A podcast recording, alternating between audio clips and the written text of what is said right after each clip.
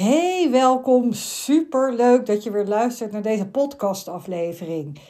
Ik had laatst, dat was eigenlijk vorige week, had ik op LinkedIn een vragenlijst uitgezet.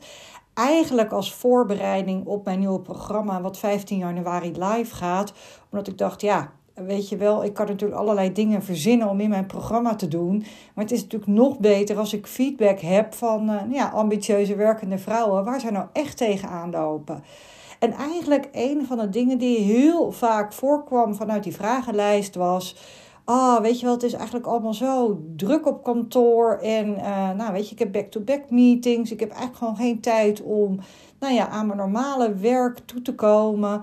Dus um, toen dacht ik, weet je, ik heb daar wel eens een keer een podcast over opgenomen, maar ja, het is zo'n belangrijk groot probleem. Ik denk, weet je, ik ga daar gewoon nog weer een keer een podcast over opnemen. Van ja, hoe kom je dus wel aan werken toe? Want jouw gevoel zal waarschijnlijk zijn van ja, poel, ik word de hele dag zo geleefd gedurende de werkdag. Ja, dat voor je gevoel pas je werkdag om vijf uur begint. Maar ja, dan begint het thuis natuurlijk ook pas. En weet je, als je dan kijkt naar zo'n typische kantoordag, echt, nou, dan heb je natuurlijk gewoon veel te veel van die back, ja, back-to-back meetings, waardoor je eigenlijk gewoon weinig tijd hebt om dingen echt te overdenken en uit te werken. Ik roep ook altijd, ja, je hebt echt ook denktijd nodig. Ik noem het ook wel eens uh, me-time kantoor. Nou, dan heb je ook nog eens een keer een hoeveelheid aan e-mails, waardoor je, nou ja, daar word je ook natuurlijk helemaal door geleefd, of daar kan je je helemaal door laten leven. En dan word je ook nog eens een keer de hele dag gestoord door allerlei collega's, waardoor je gewoon niet toekomt aan je eigen werk. En dit kunnen zulke mega energielekken zijn, ook omdat ze voor je gevoel niks opleveren. Weet je, je komt, je komt niet verder op zo'n dag.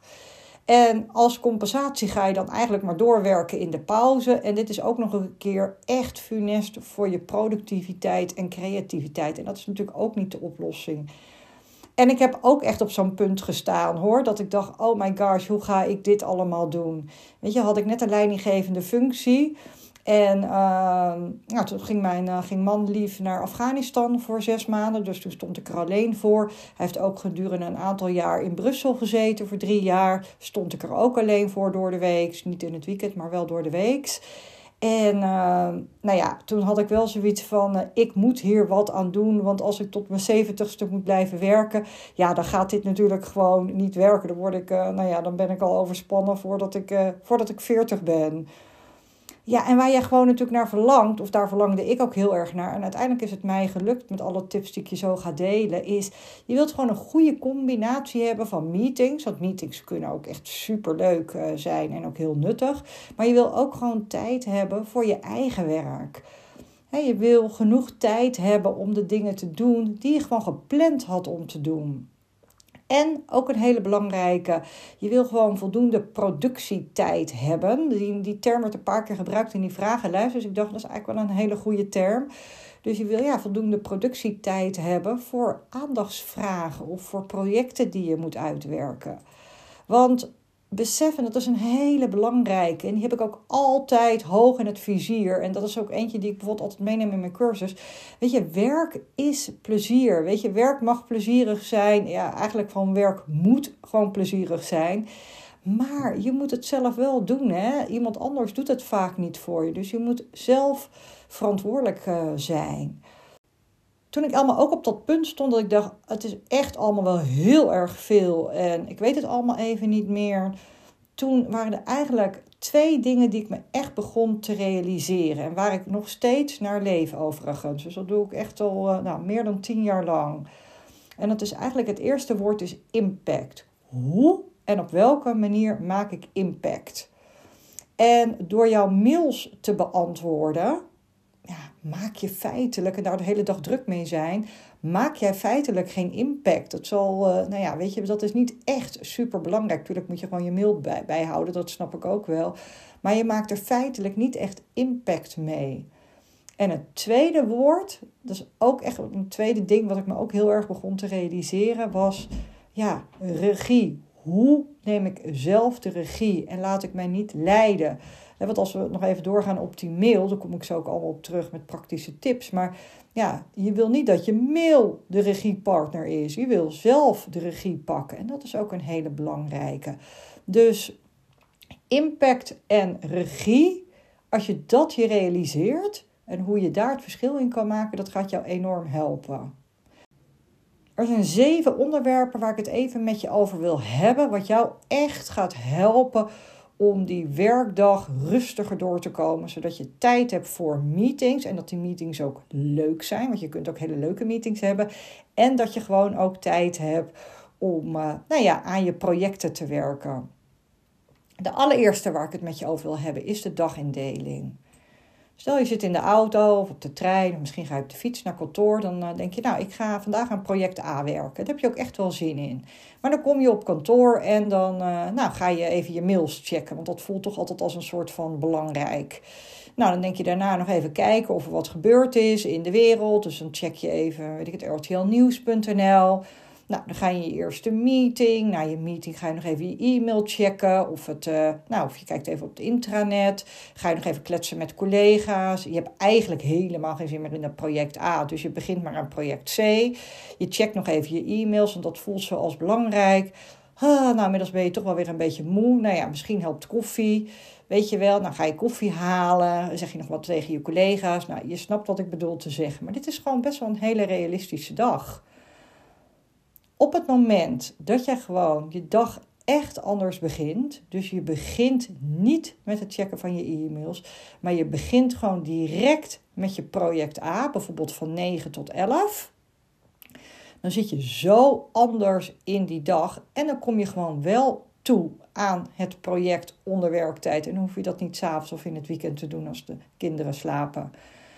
Dus dit is echt een hele belangrijke. En ik snap dat je echt niet vijf dagen per week altijd, weet je wel, tot 11 uur uh, je, je tijd misschien zelf kan indelen. Maar ik weet zeker dat er een aantal ochtenden zijn waar je invloed op hebt dat je dit wel kan doen. En dit gaat echt een groot verschil maken.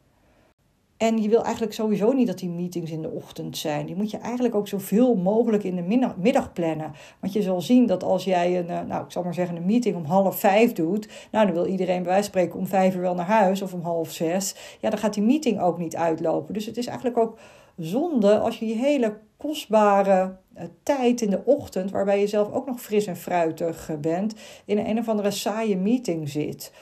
Dus mocht je ook invloed hebben op de meetings, ja, dan moet je die dus eigenlijk ook naar de middag uh, zien te verplaatsen. Dus het is een hele belangrijke, en in het Engels zeg je dat mooi, ik weet zeker dat je die term ook wel kent. Eat the frog first. Hè? Dus begin gewoon met je moeilijke project. En daarnaast is het ook heel erg belangrijk om echt ook je uh, nou, eigenlijk uh, dagelijks of in ieder geval wekelijks blokken te plannen voor denkwerk, uitwerktijd en persoonlijke ontwikkeling. En, uh, want je bent vaak zo druk met die dagelijkse dingen, hè, die, die die ik net beschreef, dat je gewoon bijna geen tijd overhoudt voor dus inderdaad die denktijd, uitwerktijd en persoonlijke ontwikkeling. En als jij daar geen tijd voor maakt, dus als jij niet de regie hierover pakt, daarom is dat woordje regie zo ontzettend belangrijk, dan komt het er niet van, want dan laat je je leiden door de waan van de dag. En uh, dat zit hem in denktijd, hè, dingen uitwerken, gewoon presentaties maken, maar ook persoonlijke ontwikkeling. En waarom ik die heel erg benoemd heb, waarom die ook even benoem, is omdat ik het hier ook heel vaak mis zie gaan. Zijn mensen zo druk met de dagdagelijkse dingen dat ze eigenlijk helemaal geen tijd maken aan persoonlijke ontwikkeling. Maar ja, achter je bureau ziet men gewoon niet wat je doet. Weet je, af en toe als jij een stap wil maken uh, ja, dan moet je gewoon zichtbaar zijn. En dat kan in de vorm van een presentatie zijn, of dat, dat kan in heel veel verschillende vormen zijn. Maar daar moet je tijd voor vrijmaken. En bij wijze van spreken is het al dat je zichtbaar wordt op een, uh, op een andere verdieping. Dat je daar eens een keer een kopje koffie gaat halen. deed ik namelijk ook wel eens. Ja, dan moet je even een, een loopje doen. En dan moet je gewoon tijd voor vrijmaken. Uh, dus dat is ook echt een belangrijke. Dat je je niet alleen focust op je baan. Maar dat je je ook echt focust op je carrière en op een volgende stap die je wil maken. Een tweede onderwerp waar ik het met je over wil hebben, nou, en ik weet zeker dat deze heel erg speelt binnen jouw organisatie, is het aantal meetings. ja, die moeten gewoon drastisch terug. En daar ben je gewoon zelf bij. Je moet er echt regie over nemen. Allereerst is wat ik ben gaan introduceren, is kortere meetings. Standaard wordt er vaak een uur ingepland. Dat komt gewoon omdat ja, onze planningstools die werken gewoon, die pakken standaard een uur. Ik plande standaard een half uur. Met uitzonderingen, als het echt niet kon, eh, dan deed ik dat naar een uur toe. Maar ik had dus wel altijd vanuit de intentie een eerst een half uur. En dat deed ik dus ook als andere mensen meetings met mij inplannen. Want die plannen dus ook vaak een uur in. Dus dan koppelde ik hem gewoon terug van... Uh, remember, ik doe alleen maar de half uur meetings. En ik deed zelfs ook bij sollicitanten. Had ik van tevoren, deed, zei ik dat wel heel duidelijk. Hè, dat ze wisten dat het ook maar een half uurtje was. Maar ik vond het heel fijn om, uh, nou ja, om alle sollicitanten te zien. Omdat ik, uh, nou, ik, ik, ik zocht ook altijd wel naar een bepaalde sfeer in een team... Uh, nou, en als ik dan oké en tevreden was met de sollicitant en was door naar een tweede ronde, dan kon ik natuurlijk bij een volgende collega wat langer in gesprek gaan. Maar op die manier ging ik daar heel erg mee om. Ook echt een belangrijke is met meetings, is ja, zeg gewoon nee tegen meetings die niet bijdragen aan jouw persoonlijke doelstellingen, je teamdoelstellingen of je klantdoelstellingen. Vaak doen we toch heel best wel uh, nou ja, blind accepteren. Als we een uitnodiging krijgen, dan accepteren we die uitnodiging best wel blind, omdat we dan misschien, nou ja, vanuit gewoonte, ik denk dat het hoofdzakelijk vanuit gewoonte is, maar misschien ook wel omdat je een uh, FOMO hebt, de fear of missing out. Maar stel jezelf gewoon heel concrete vraag: draagt mijn deelname echt toe? Of kan het ook door iemand anders uit mijn team worden gedaan? Of uit jouw team worden gedaan? Omdat ja, wat je ziet op een gegeven moment is dat er bijvoorbeeld heel vaak de leidinggevende wordt uitgenodigd. Dat eigenlijk ook prima door iemand anders uit je team gedaan kan worden. Die misschien veel minder vaak in meetings zit. En het, of bijvoorbeeld een starter die, die vrijwel nog helemaal geen meetings heeft. Die het juist heel leuk vindt om af en toe een meeting te hebben. Dus kijk gewoon goed naar de teamverdeling. En zorg dat er ook, nou, dat er ook andere mensen. En ook vanuit een leerproces kunnen deelnemen aan een bepaalde meeting. En het is ook echt, uh, ja, ik, ik denk dat er vaak veel te veel mensen voor een meeting worden uitgenodigd. En dat is ook totaal niet efficiënt. Want ja, zoveel mensen, zoveel meningen. vaak heb ik het idee dat dat gedaan wordt vanuit een angst. Dan is maar iedereen geïnformeerd. Maar goed, als het geen informatiemeeting is. Hè, dus op de, natuurlijk heb je af en toe wel meetings hè, met bijvoorbeeld de hele organisatie waarin je bepaalde mededelingen doet. Maar het gros van de meetings is geen informatiemeeting. En uh, ja, dat moet je dus op een andere manier overbrengen. Dus nodig alleen mensen uit die echt noodzakelijk zijn voor de meeting. Doe dat dus zelf ook. Wees er zelf ook kritisch op als jij degene bent die een meeting uh, plant. En kijk dus of een meeting echt nodig is. Want heel vaak, stel je hebt een bepaald project en je hebt bijvoorbeeld een, een vraag, dan wordt er best wel heel vaak en heel snel een meeting ingepland. Terwijl het misschien ook best wel had gekund vanuit een belletje uh, vanuit de auto bijvoorbeeld. En dan hoef je er geen meeting uh, voor in te schieten. En het scheelt gewoon ook weer heel veel tijd. En als je nou twijfelt, je denkt, nou moet het wel of niet een meeting zijn, dan kan je ook een beetje even naar het onderwerp kijken. Dus plan dan bijvoorbeeld niet in overleg X, maar wees dan heel kritisch en zeg dan, uh, in deze meeting maken we een beslissing over Y. Of uh, willen we X afronden bijvoorbeeld. Hè? Door op die manier echt, nou ja, dat je zeker weet dat die meeting noodzakelijk is. Wat ook een hele belangrijke is, en die kreeg ik ook echt terug uit mijn vragenlijst. Ja, al die meetings, die eh, back-to-back meetings. Ja, weet je, mijn tip is hier gewoon: plan ze niet te strak achter elkaar. Je bent er feitelijk zelf bij. En uh, accepteer geen meeting die te strak op een andere meeting zit. Of uh, hè, wat ik zei, zorg dat je half uur meetings hebt. Dat je nog even daartussendoor de ruimte hebt om actiepunten uit te zetten die vanuit die meeting besproken zijn. Want ja, als je gewoon strak, zo strak achter elkaar gepland is, dan heb je gewoon geen tijd voor koffie. Niet om even naar de wc te gaan. Weet je, ja, dan word je zelf ook helemaal gek. Dus dat moet je gewoon echt zien te voorkomen. En kijk gewoon ook eens naar je structurele meetings. Soms is er gewoon vanuit jaren geleden zijn er bepaalde meetings in het leven geroepen. Ik noem het tot een beetje structurele meetings. Die misschien niet helemaal meer relevant zijn voor het, waar we nu in leven. Dus kijk gewoon ook eens of er structurele meetings zijn waar je iedere week bij zit, bijvoorbeeld, of iedere twee weken, die je gewoon zou moeten skippen of die misschien voor het hele bedrijf niet meer echt een uh, nou ja, bijdrage hebben. En laat meetings, en ik weet dat dit een inkopper is, maar laat meetings op tijd beginnen en eindigen. Ik snap als je leidinggevende bent dat dat iets makkelijker is dan als je niet leidinggevende bent. Ik denk overigens als je niet leidinggevende bent dat je er ook best eens opmerkingen over kunt maken. Ik was hier super kritisch op. En de eerste week of de eerste paar weken, twee weken bijvoorbeeld, weet je wel, dan is het echt, nou, hup, we moeten op tijd komen. Maar op een gegeven moment vindt echt iedereen het super fijn als die meetings gewoon op tijd beginnen. Weet je, tien uur is tien uur. Of nou ja, weet je wel, of drie uur is drie uur. En dan weet iedereen waar die aan toe is. Want stel iemand komt tien minuten te laat en er zitten zes mensen in die meetings. Dat is wel zes keer tien minuten. Dat is voor het bedrijf gewoon een uur wachttijd. Zonde van iedereen's tijd. Nou ja, op het moment dat je hier gewoon best wel strikt in bent, dan, ja, dan vindt iedereen dat dus juist echt super fijn. En laat ze ook op tijd eindigen. Heb je een half uur, dan is dat gewoon wat het is. En heb je een uur, dan heb je een uur. En dan ja, is het niet een uur en tien minuten. Want iedereen's agenda loopt dan de hele dag weer spaak. Dus dat betekent dat je of te veel agendapunten hebt, of gewoon te lang gepraat hebt over een bepaald agendapunt. En dat is echt ook een volgende, dat is een derde onderwerp.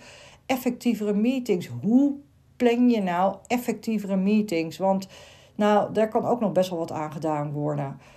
Wat ik altijd deed, is ik had een agenda op een centrale plek. Dus waar iedereen in kon. Uh, en iedereen moest dus ook, uh, nou volgens mij was het een dag van tevoren, maar dat is een beetje willekeurig natuurlijk wat, uh, nou ja, wat, wat voor jouw organisatie goed werkt. Nou, stel de avond van tevoren moest die agendapunt in de agenda staan. Dat moesten mensen zelf doen. Ik ging daar niet tussen zitten. Mensen kunnen prima zelf hun agendapunt inbrengen op de agenda. En degene die dat dan als eerste deed, die moest zelfs even nog de agenda van de vorige week kopiëren met een nieuwe datum. En met die nieuwe datum is echt een goede tip. Eerst jaar, dan maand en dan datum. Waardoor die altijd de bovenste, waardoor die altijd de laatste agenda bovenin staat. En in die agenda, als je een agendapunt hebt en je hebt daar een document bij, dan moest er zeg maar in die agenda moest dat document gelinkt zijn in dat agendapunt. Zodat je ook als je dan van tevoren heel even wilde kijken, kon je alvast, mocht dat nodig zijn, even dat, uh, nou, dat document openen. Tijdens de uh, meetings werden er geen notulen gemaakt. Dat is ook best wel eentje die heel veel mensen zeggen, huh, geen notulen. Maar nee, want ik vraag me altijd af wat het doel van notulen is. Er waren wel twee andere dingen. En ieder agendapunt heeft eigenlijk twee opties. Dat is een, er komt een actiepunt uit met een, nou ja, een persoon en uh, wanneer dat actiepunt opgeleverd moet worden. Dus dat komt op de actielijst. Dus dat was ook een lijst die zeg maar hing in de omgeving waar ook die agenda stond. En uh, of het is een besluit. Dus, een, ja, dus ieder agendapunt heeft, is of een actiepunt en die komt op de actielijst. Of er is een besluit en die komt op de besluitenlijst. En die besluitenlijst, die vond ik ook echt wel noodzakelijk. En zeker op een gegeven moment als het, wat, eh, het werk wat ingewikkelder wordt, dan kon je toch na twee maanden denken, wat hadden we nou ook alweer besloten? En dan is het gewoon super fijn dat het op de besluitenlijst stond. En de actielijst en besluitenlijst was trouwens een ongoing lijst. Uh, die, het was niet zo dat we daar iedere week een nieuwe lijst van maakten, maar we gingen gewoon verder op de oude lijst ervan. En de actielijst wordt natuurlijk sowieso iedere keer opgeschoond. En de besluitenlijst, volgens mij deden we ieder jaar een nieuwe besluitenlijst. Het vierde punt waar ik het met je over wil hebben is mails. Want ja, die, daar word je natuurlijk ook helemaal gek van, van al die mails die binnenstromen. De allereerste is wel echt belangrijk om te beseffen. Besef dat je mailbox gewoon nooit leeg zal zijn. Net zoals dat een wasmantel nooit leeg is. Ja, we willen we natuurlijk allemaal wel, maar het is gewoon niet zo. Dus soms is het ook een kwestie van accepteren. Want als jij denkt, uh, nou weet je, als de kids op bed liggen, dan ga ik wel verder met mijn mail, want mijn mail is nog niet afgerond. En je stuurt dan s'avonds uh, nog een mail naar je collega die op dat moment ook aan het werk is. En je gaat dan weer uh, zes keer heen en weer pingpongen. Ja, dan is je mail nog niet weggewerkt. Dus volgens mij, toen ik bij mijn laatste werkgever was, had ik trouwens ook nog iets van 20.000 ongelezen mails. Ik las ook sowieso niet al mijn mail. Wat ik wel deed, is ik op twee keer per dag, op vaste tijden, uh, checkte ik mijn mail. Dus ik liet me er niet door domineren, maar ik was in charge. Ik had de regie over wanneer ik naar mijn mail keek. Het kan voor iedereen ligt natuurlijk een beetje aan wat voor functie je hebt, hoe vaak en wanneer je dat kan doen. Maar ik zou je sowieso niet adviseren om het direct in de ochtend te doen, want dan laat je je dag weer zo domineren door je mail. En dat moet je dus eigenlijk niet doen. En ik, als ik het al twee keer per dag uh, checkte, dan uh, nou, scrollde ik ook echt door mijn mail heen. En ik kon ook best wel een aantal mails gewoon niet openen. En als het echt, echt spoed had en ik, nou, ik was het een keer vergeten, gebeurde trouwens zelden, omdat ik redelijk goed kon scannen wat belangrijk was en wat niet belangrijk was. Ja, dan krijg je alsnog altijd nog wel een keer een reminder. En op het moment dat er een mail is en er komt een actiepunt uit. En uh, ja, dat duurt niet langer dan vijf minuten. Dan moet je het eigenlijk gelijk afhandelen. En anders moet je het inplannen als het echt een, een opdracht is om iets te gaan doen. Ja, dan moet je het gewoon inplannen in je agenda. En let ook heel erg op de cc's. Ik weet niet of je binnen een bedrijf werkt met veel cc. Een cc-cultuur noem ik dat. Er zijn echt, ik heb echt bij bedrijven gewerkt waar dat heel erg was. Allemaal maar indekken en allemaal maar ter info. Ja, ik, ik zei gewoon, zeker tegen mijn eigen team ook, maar ook buiten mijn team. Ik hoef niet in die cc's te staan. Ik vertrouw je dat het, als ik een, iets aan jou vraag en jij moet dat oppakken, dan hoef ik niet in de cc te staan uh, dat ik je kan controleren of je het hebt opgepakt. Weet je, ik vertrouw daar gewoon op en ik hoor het wel op het moment dat je mijn hulp weer nodig hebt. Dat scheelt ook zoveel mail, want dan hè, iemand anders heeft iemand wat uitgezet, die reageert ook wel op die uh, reply all. Nou, voordat je het weet heb je weer 20 mails vanuit een cc. Dus wees ook echt kritisch op de cc. En ik kon ook echt best wel eens een mail terugsturen naar iemand. Die zei, dan zei ik gewoon, joh, ik sta hier op de cc. In het vervolg hoeft dat niet meer. Uh, om op die manier ook mijn aantal cc's uh, te verminderen. Wat ook echt, en dit is mijn vijfde categorie, of het vijfde punt waar ik het met je over wil hebben. Wat ook nog wel eens echt tijdverslindend kan zijn, is rapportages en formulieren. Ik weet niet uh, bij wat voor bedrijf jij werkt, maar uh, soms heb je van die bedrijven, dan moet je allerlei rapportages en formulieren invullen. Lekker bureaucratisch, omdat het al tig jaar geleden is uh, bedacht, zeg maar. En eigenlijk niemand het lef had of gewoon had bedacht dat het misschien eens tijd werd om, nou ja, om die rapportage wat effectiever of efficiënter te maken. Of dat het misschien gewoon helemaal niet meer nodig is, omdat toch niemand er echt naar kijkt of het echt bijdraagt. Dus kijk ook echt, stel jij moet iedere maand bepaalde rapportages invullen. Kijk gewoon of dat ook echt nodig is. En wat ik gewoon, de ervaring die ik ook nog wel eens had, is dat je dan uh, vergelijkbare rapportages moest invullen, maar net eventjes anders. En uh, dat, weet je, toen heb ik ook een keer een initiatief genomen om gewoon die rapportages allemaal, om daar gewoon één rapportage van te maken. En niet iedere afdeling een aparte rapportage waar je dan weer iets op moest zetten. En hetzelfde geldt met bepaalde formulieren bijvoorbeeld die je moet invullen. Stel je bent een manager, daar heb ik ook eigenlijk nog heel even een paar punten voor. Stel je bent een manager, wat ik heb gedaan en echt, ik weet dat voor sommige mensen is dit wereldschokkend, maar ik vond het onwijs effectief werken. En nou, diegene die vaker mijn podcast luistert zal zeggen, oh dit heb ik al eerder gehoord, maar ik ben dus helemaal gestopt met één op één meetings met dus mensen uit mijn team. En, uh, want stel je geeft bijvoorbeeld leiding aan vijf mensen, en je zou iedere week of om de twee weken een één op één meeting hebben, dan scheelt dat gewoon vijf uur per week of vijf uur in de twee weken. Dus het is best wel veel tijd. En wat ik dus vond, is het, het haalde de snelheid eruit. Dus stel, je hebt één keer in de twee weken een meeting met jouw direct report. Ja, en uh, die denkt opeens anderhalve week daarvoor, voor die meeting, ook oh, wil het eigenlijk even bespreken. Dan moet hij bij wijze van spreken nog anderhalve week wachten voordat hij het met jou kan bespreken. Dus op die manier vond ik het dus ook helemaal niet efficiënt of effectief. Nou, dan had je zo'n meeting van een uur en dan dacht je, nou ja, weet je, ik moet dan een uur vol praten. Uh, hoeft natuurlijk niet, maar goed, dat is dan hè, in de praktijk wat wel gebeurt. Dus ik ben er gewoon helemaal mee gestopt. En hoe ik het heb gedaan is, ik ben op de kantoordagen gewoon een paar keer per dag echt op de afdeling gaan rondlopen. Dus dat was ook in de eerste, moet je dan, moeten ze dan misschien even wennen, want dan is het eigenlijk van ja, als ze dan een vraag hebben, dan kunnen ze eigenlijk naar je toe komen met die vraag. En uh, wat super fijn is, is dat je gewoon een paar keer per dag rondloopt. Dus ze kunnen gewoon een paar keer per dag vragen stellen. Jij clustert het op die manier heel erg. Hè? Dus het is niet zomaar dat iedereen uh, zomaar de hele dag vragen aan je stelt. Maar jij bent eigenlijk dus in de lead van wanneer, die, wanneer, wanneer, de, wanneer mensen vragen kunnen stellen.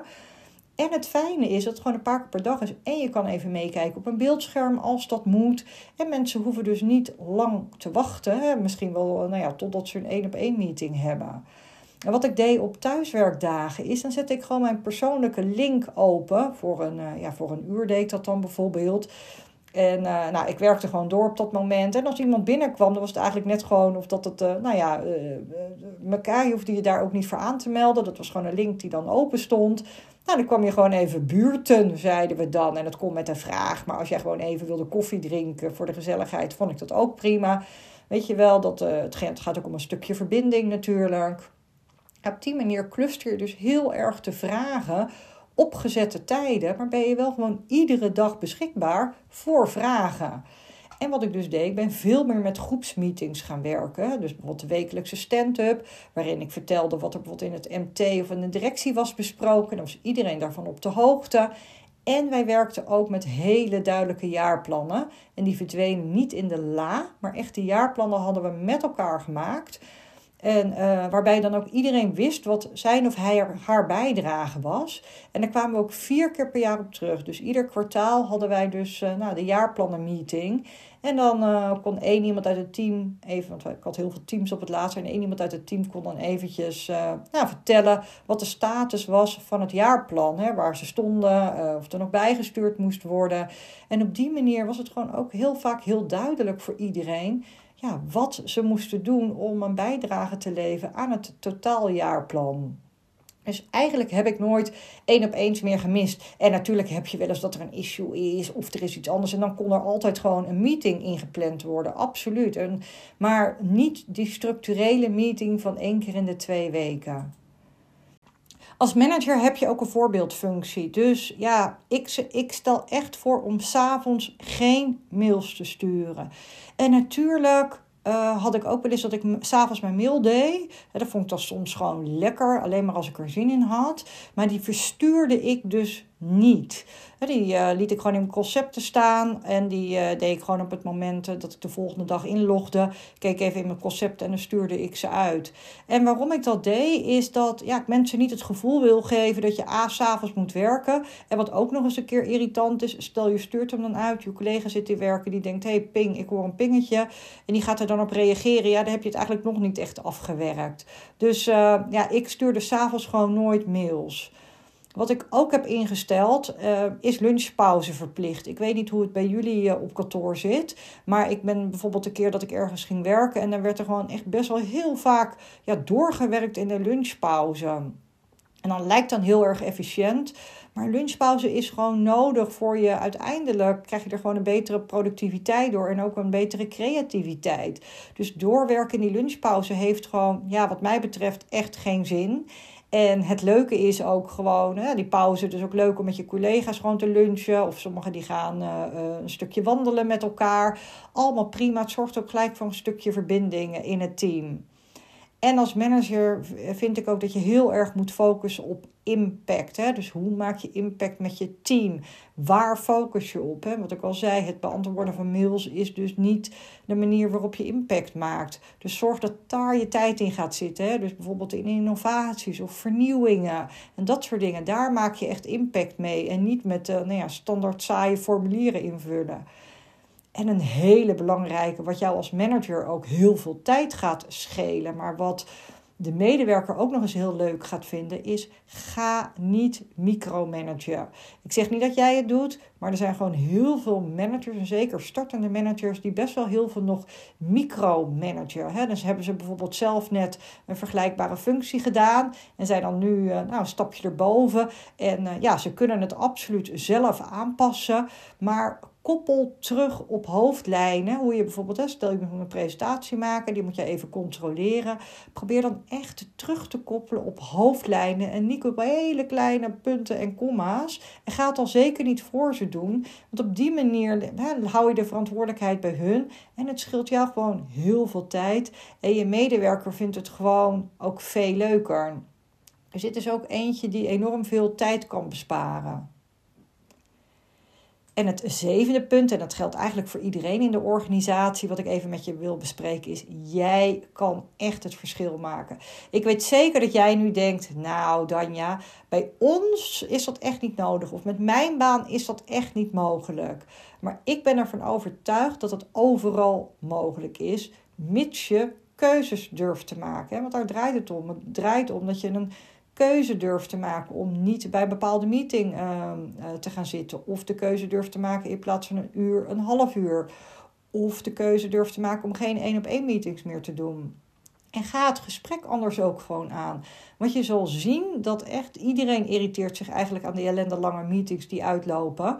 Op het moment dat jij het gesprek aangaat, ja, zal je zien dat iedereen er super blij mee is. En ik vind dat dit niet alleen maar bij leidinggevende hoeft te liggen. Dus stel je bent geen leidinggevende, maar maak dingen gewoon bespreekbaar. Zeg gewoon, nou, ik denk dat we het op die manier anders kunnen doen. Desnoods doe je al een voorzetje.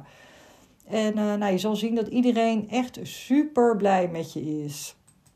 En om een stukje rust te creëren, hè, dat is ook de verantwoordelijkheid, is ook bij jezelf. Hè. Rust creëren bedoel ik dan mee dat je ook gewoon tijd hebt om aan je, nou ja, aan je eigen werk toe te komen. Of dat je gewoon tijd hebt om aan je persoonlijke ontwikkeling toe te komen. Is gewoon nee durven zeggen tegen bepaalde dingen. Als jij gewoon uh, had gepland om een uurtje nou, iets te gaan doen voor jezelf, en dat is dan niet per se iets hè, dat is dan ook wel werkgerelateerd, ja, dat betekent dat, dat daar dus geen andere meeting overheen gepland kan worden. Dus je antwoord is nee, ik kan er niet bij aanwezig zijn. En ook gewoon niet dulden dat anderen hun bullshit als het ware bij jou deponeren. Een mooi woord is dat trouwens, dulden. Dus niet dulden dat anderen bij jou hun bullshit deponeren. Weet je, leg het gewoon terug bij wie het, bij wie het hoort. En ook anderen wel op hun verantwoordelijkheden wijzen op een hele, ik zeg altijd op een sympathieke manier. Hè? Dus stel iemand is gewoon eh, extreem laat met iets aanleveren of een vraag aan jou, wat jou dan weer in de problemen helpt. Ja, eh, wijs op hun verantwoordelijkheden. Als je super boos bent, raad ik je overigens altijd wel aan om heel even te wachten. Want vanuit de boosheid helpt het nooit om een gesprek aan te gaan. Bereik je ook helemaal niks mee.